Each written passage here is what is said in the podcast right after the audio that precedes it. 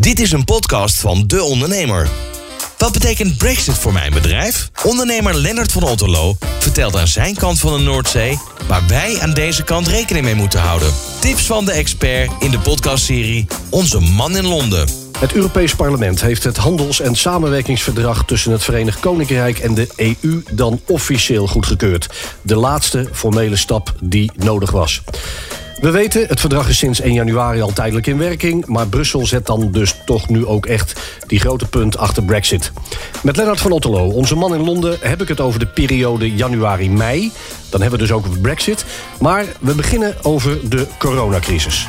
Onze Man in Londen met Lennart van Otterlo. Want Lennart, we weten, je woont en werkt in Londen.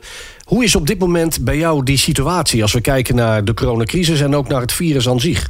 Nou ja, het, gaat uh, absoluut de goede kant op. Uh, we hebben nu een aantal regio's gehad waarin ze de laatste 28 dagen, en dat is hier een beetje de maatstaf, geen enkele doden hebben gehad. Dus de, de cijfers gaan de goede kant op. Qua besmettingen, qua, uh, qua doden, qua ook vaccinatie. dus zeg maar, al, dat soort dingen gaan, gaan allemaal de goede kant op. En nou ja, zoals jullie ook al hebben gezien, de, de lockdown is hier nu versoepeld. Dus uh, hij is niet helemaal opgeheven. Maar sinds de 12e zijn uh, ook niet-essentiële winkels weer open. Bijvoorbeeld. En dat is, dat is wel best wel een verschil. De, de lockdown hier was toch wel een stuk strenger dan in Nederland. Ja. Door hier geen, uh, geen meubelboulevards met Pasen. Ja, je merkt dus wel dat er ineens een aantal winkels weer open zijn die niet open waren kappers bijvoorbeeld zijn nu sinds twee weken open. En ik uh, kan je vertellen dat ik daar heel blij mee was. Ik was in december niet meer naar de kapper geweest. Want wat merk jij verder aan het gedrag van je, van je collega Londenaren daar? Uh, mondkapjes, uh, de anderhalve meter, zal daar een inch zijn. Maar gaat iedereen daar nog in mee? Of met al die vaccinaties bij jullie is die tijd eigenlijk al voorbij? Nou, kijk, mondkapjes in winkels zijn nog wel heel normaal. En bij ons is het niet een inch zit, maar in, in meters. En is het zelfs twee meters. Ja, ja. twee meter afstand. En kijk, een aantal dingen zijn er helemaal ingesleten. Hè? Dus, dus uh, je merkt nu dat mensen die elkaar op de stoep tegenkomen uh, nog steeds afstand houden. En ik denk dat dat ook iets is wat uh, nog heel lang gaat blijven. Het enige is wel, het, het openbaar vervoer begint alweer vol te lopen. En daar heb je dus nu al, dat daar is zo'n twee meter niet meer te doen. Dus daar uh, het is nog wel stiller in het openbaar vervoer, maar uh, een stuk drukker dan zeg uh, zes maanden geleden. Dus langzamerhand komen dingen wel op gang, maar sommige dingen zijn er dus nog steeds. Dus mondkapjes zijn er nog steeds. Winkels die, die maximaal zoveel mensen binnenlaten. Mijn supermarkt heeft nog steeds een stoplicht bij de voordeur en een enorme rij buiten. Ja. Omdat er niet meer dan 50 mensen tegelijk in de winkel of iets dergelijks mogen zijn. Dus dat soort, dat soort maatregelen zijn er nog wel. Maar ja, de, de, horeca is weer een beetje open. Door alle horeca die buiten kan serveren is weer open. En dat is wel heel fijn. Het is dus alleen maar buiten. En je mag bijvoorbeeld niet aan de bar bestellen. Dus je, je moet aan tafel zitten. En je mag alleen aan tafel bediend worden en aan tafel afrekenen.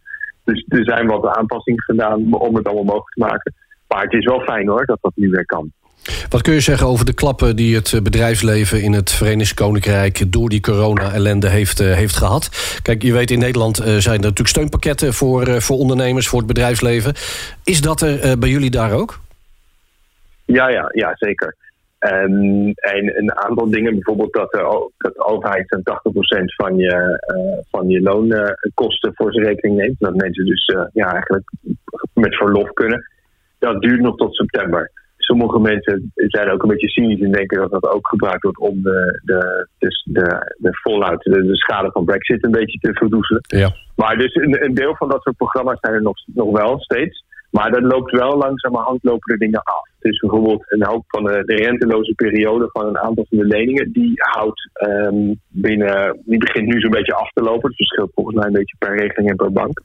Maar je ziet dus nu dat ondernemers voor het eerst moeten gaan denken aan terugbetalen en, en, en rente uh, gaan betalen daarop. Er is binnenkort, over twee maanden zeg ik uit mijn hoofd, mogen verhuurders van vastgoed mogen weer achterstallige huur gaan innen. En dat stond dus een tijd stil. Dus uh, veel, veel zaken, vooral een heleboel goede locaties, betaalden per kwartaal huur. Um, en dat zijn dus flinke bedragen. En daar was een soort stop op voor nou, sinds vorig jaar. Nou ja, goed. Als jij dus al die tijd dicht bent geweest en je bent dan nu twee maanden open en je, jouw, jouw verhuurder kan ineens op de stoep staan met uh, van nou, ga maar eens een jaar achterstallige huur uh, betalen. Dat gaat nog best wel wat problemen opleveren. en zo gauw, het, is, het een soort salami, ja, een soort kleine plakjes van, van, van dingen die weer lastig worden. Dus huur betalen. straks loopt die furlough-regeling af, dus moet je je eigen loonkosten weer gaan dragen. Dus we gaan daar nog wel wat schokgolven zien. Waarbij er ineens ketens omvallen of, of winkels een enorme hoeveelheid van hun uh, filialen gaan afstoten omdat ze dat gewoon niet meer kunnen betalen. Ik weet uh, van mijn, uh, ik hoorde van mijn kapper, die werkte voorheen bij een keten. En die hebben grote problemen omdat alle filialen die in het centrum zitten ineens uitgestorven zijn. Want mensen gaan niet naar hun werk. En ja, niemand gaat dus nog even naar de kapper in de lunchpauze. Uh, en al dat soort filialen moeten waarschijnlijk gewoon dicht, want het, de mensen werken veel meer thuis. Uh, en ja, dat is dus, dan merk je, zij merken dat in de buitenwijken diezelfde filialen ineens drukker worden, omdat mensen dus meer thuis zitten. Dus die krijgen een verschuiving. Ja, al dat soort dingen, dat zijn allemaal kleine klapjes, maar die gaan we denk ik nog uh, een heel jaar gaan we dat soort dingen zien. Ineens ketens die kleiner worden, hele winkelconcepten die gaan omvallen. Dat gaan we nog zien, denk ik. We hebben het uh, in deze podcastserie, maar ook in jouw blogs heb je het er zelf ook al eerder over gehad. Over hoe eigenlijk de coronacrisis, het virus, al het Brexit-nieuws heeft uh, verdrongen. Toen trokken we ook heel vaak de conclusie dat het eigenlijk Johnson wel goed uitkwam. Nu zijpelt het natuurlijk ook steeds meer over door naar buiten. En dat is ook vooral dat toch ook een groot deel van het Britse bedrijfsleven, veel bedrijven de stap naar die andere kant van de Noordzee hebben gemaakt. Hoe zit dat nu met dat nieuws in, in Londen? Is het inderdaad nog zo dat Brexit nou toch een soort ondergeschoven kindje al dan niet bewust is geworden in de media? Ja, ten dele wel. Het nieuws van sommige sectoren haalt toch wel nog steeds wel de pers hoor. Uh, door de visserij. Uh, toevallig uh, gisteren ehm, is, een zijn onderhandelingen tussen Noorwegen en het Verenigd Koninkrijk stuk gelopen over Britse vissers. want ja, de Britse vissers willen dus alle, alle buitenlandse vissers uit hun eigen wateren weren, maar ze willen wel zelf in andermans water kunnen vissen. Ja, dat gaat dus niet. Dus daar, daar staat iedereen nu op de achterste benen. Heel veel, vissers in Yorkshire die gewend waren om in Noorse water te vissen, hebben nu een probleem. Dus soms komt er sector bij sector, eh, sector bij sector komt er ineens wat naar buiten. Maar het is wel een beetje ondergesneeuwd. Ik denk wat we gaan zien is dat het wel weer meer naar voren gaat komen als we het over herstel gaan hebben. Door alle landen in Europa moeten na de pandemie aan een herstel gaan denken. Maar het grote verschil is natuurlijk dat in, in het Verenigd Koninkrijk dat herstel plaats moet gaan, gaat vinden tegen een achtergrond van al een heleboel economische ophef. Dus dat gaat wel een hele andere vorm aannemen dan bijvoorbeeld in Nederland. Waar je veel meer kunt gaan denken van nou, we gaan deze dingen gewoon meer proberen te doen zoals we ze altijd deden. En dat is voor een heleboel dingen in, in de UK niet mogelijk. Dat gaat denk ik nog, uh, nog een hele tijd wel nieuws uh, genereren. Alleen niet meer echt voor pagina nieuws waarschijnlijk. Als we eens gaan kijken naar die periode januari-mei... we zitten nu in die, in die eerste week van, uh, van mei, Lennart. Een, een, korte terugblik en sectoren waarvan jij eigenlijk achteraf zegt van... jee, dat dat toch inderdaad ook een probleem is geworden. Maar het zou kunnen zijn dat je zegt... jee, dat, dat is eigenlijk achteraf toch wel meegevallen... als we kijken naar de effecten van brexit. Nou ja, als we met dat laatste beginnen, meevallen. Uh, de, de, fysieke opstoppingen aan de grens, enorme vliegtuigen voor vrachtwagens, Precies. die zijn uh, meegevallen. Uh, die hadden we eigenlijk ironisch genoeg uh, vlak voor Brexit um, uh, veel meer dan, dan daarna. En dat heeft deels te maken met dat er heel veel gehamsterd, werd vlak voor de, voor de, de economische Brexit. Um, en het heeft ook deels te maken met dat het handelsverkeer gewoon enorm is afgenomen. En dat is echt, zeker tussen sommige landen, Duitsland is wat ik 56% minder geworden. De handel tussen Duitsland en het Verenigd Koninkrijk. En um, dat is grotendeels, denk ik, permanent. Dat zijn supply chains die nu anders lopen. Er is een heel groot probleem uh, in dat de, de, de controle aan de grens eigenlijk voornamelijk één richting is. Dus als, als Nederlander kun je nog relatief makkelijk exporteren naar het Verenigd Koninkrijk. Maar als Brit kun je niet meer zo makkelijk exporteren naar Nederland. En dus een hele sectoren die heel erg afhankelijk waren van de export, zoals voedsel bijvoorbeeld, ja, die, die, die hebben enorme klappen gehad. In sommige sectoren is het eh, met 98% ingestort. Door zuivel bijvoorbeeld is echt een groot probleem om nu kaas over de grens te krijgen, vooral in kleinere hoeveelheden. Je kunt nu geen webshop meer hebben die cheddar uh, cheese verkoopt aan mensen op het continent. Dat is gewoon economisch niet meer rendabel. Nee. Um, je kunt nog wel, als jij cheddar produceert en je verkoopt aan Albert Heijn, dan kun je je veroorloven om, uh, om uh, speciale uh, mensen te hebben die zich bezighouden met, met enorme partijen. Maar voor kleine ladingen is dat gewoon niet meer te doen. Ja. de vissers is een groot probleem. Zeker in de schelpdieren, is gewoon, dat is gewoon helemaal stopgezet. Dus er, gaat gewoon echt geen, geen mossel de grens meer over. Er gaat geen, geen schelpdier de grens meer over. En dat, ja, dat komt dus door die, die, die regelgeving waar ze ja, nu uitgevallen zijn. Dus ineens gelden er regels voor buiten de EU voor uh, visimport. En die is best streng, want er zitten natuurlijk allerlei ja, gezondheidsrisico's uh, aan vast. Die, uh, die ze voorheen hadden geregeld via allerlei afspraken.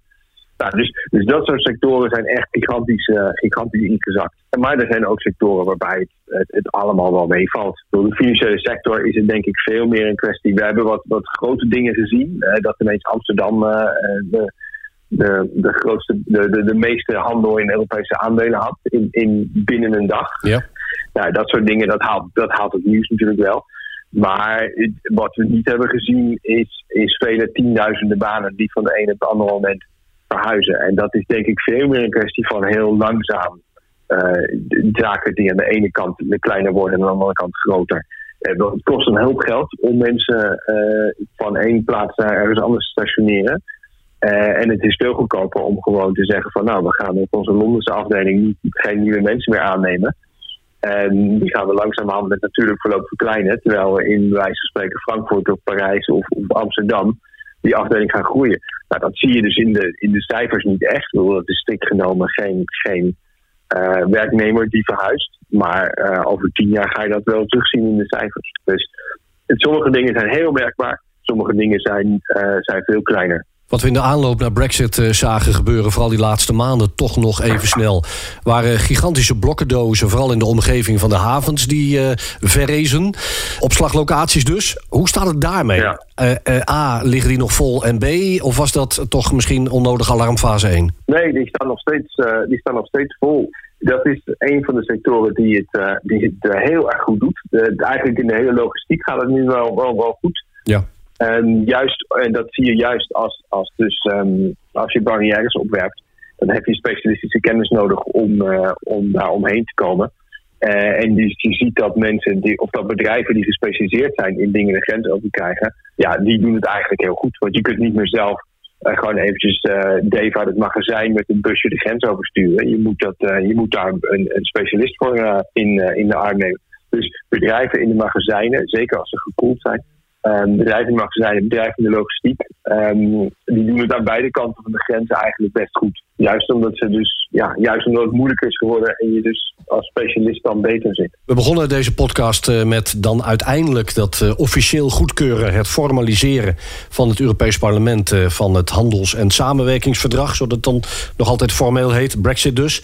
Die laatste formele stap die nodig was. Heeft dat nog iets gedaan bij jou daar in het Verenigd Koninkrijk, dat moment? Niet heel veel. Uh, ik denk, kijk, op zich kunnen, kunnen uh, vooral ondernemers zich nu, die kunnen nu op, uh, op ademhalen dat de kans op een no-deal nu echt definitief van de baan is. De, de, de, de, EU-kant moest nog akkoord gaan, die is nu akkoord. Ja. Dus de kogel is door de kerk. Ja. In de praktijk verandert het niet zoveel, omdat er eigenlijk alles al geregeld en gehandhaafd werd alsof de deal was aangenomen. En er is alleen een beetje hoop dat er nu, uh, wat er nu gaat gebeuren, is dat er eindelijk, uh, het zijn uit mijn hoofd twintig verschillende werkgroepen, waar zowel mensen van het VK als de EU in zitten, die gaan kijken naar de handhaving, naar regels, naar knelpunten en die daar gaan bespreken. Uh, er is in sommige sectoren hoop dat daar wat uit gaat komen, dus dat er een aantal knelpunten weggenomen gaan worden ik ben daar een beetje sceptisch over. Want uiteindelijk is het zo dat als, je, als ze daar niet de politieke rugdekking van hebben, van, van hogerop, dan gebeurt daar niets. En op dit moment is het zo dat de Britse regering liever via de pers ja, een, een confrontatie aangaat met de EU dan dat ze problemen oplost. Dus het zou kunnen dat, het, eh, dat sommige sectoren het iets soepeler krijgen, maar ik zou er eerlijk gezegd niet, uh, niet op rekenen. Het zou wel kunnen dat we daar iets meer over gaan horen. Dus dat we iets meer gaan horen nu over van, nou ja, dit. Uh, dit is het probleem en dit zou de oplossing kunnen zijn als er maar een, een politiek besluit genomen zou, zou worden. Dat, dat, zou kunnen dat we daar nu iets meer over gaan zien. En dan komt het debat over een aantal ja, technische onderdelen toch wel weer langzaam terug, denk ik. niet meer op de voorpagina's van de meeste kranten, maar wel weer iets meer in het politieke debat, denk ik. Die laatste formele stap dan toch nog even. Zijn er nog punten uh, op basis ook daarvan waarvan jij nu zegt, beste ondernemers in Nederland, let op? Ja, absoluut. Um, het grote probleem is dus dat de, de, de, Britse export is ingestort, omdat de Europese Unie wel gewoon vanaf 1 januari importcontroles kan doen. Eh, de Britten doen dat pas uh, later. Dat zou eigenlijk op 1 april beginnen. Dat is nu voor de meeste dingen uitgesteld tot het najaar of uh, zelfs tot 1 januari. Maar daar gaan dus nog wel dingen veranderen. De, het, wordt, het wordt nog moeilijker om je goederen vanuit Nederland naar het Verenigd Koninkrijk te krijgen. Dus hou dat goed in de gaten. Volg die ontwikkelingen. Volg wat, wat voor regels de Britten uiteindelijk gaan besluiten om in te voeren. en zorg dat je daarop voorbereid bent. Want dat het nu goed werkt wil nog niet zeggen dat het straks ook nog goed werkt. Wat dat betreft moet, moet de Brexit die kant op nog echt gaan beginnen. Ja, jij zegt dus, we, we zijn er nog niet. Die regels blijven veranderen. Ja, de, de importregels uh, naar de UK, daar, ja. daar, daar, zie ik nog wel wat dingen uh, in de praktijk... waar je nu niet mee te maken hebt, maar straks wel. Oké, okay, helder. Lennart van Otterlo, onze man in Londen, Brexit-expert. Dankjewel wederom voor je reactie. Vanuit Londen dus. We blijven je volgen via de blogs op onze website... en natuurlijk ook via de volgende podcast in deze serie... Onze man in Londen. Onze man in Londen is een podcastserie van De Ondernemer. Voor nog meer podcasts ga je naar deondernemer.nl.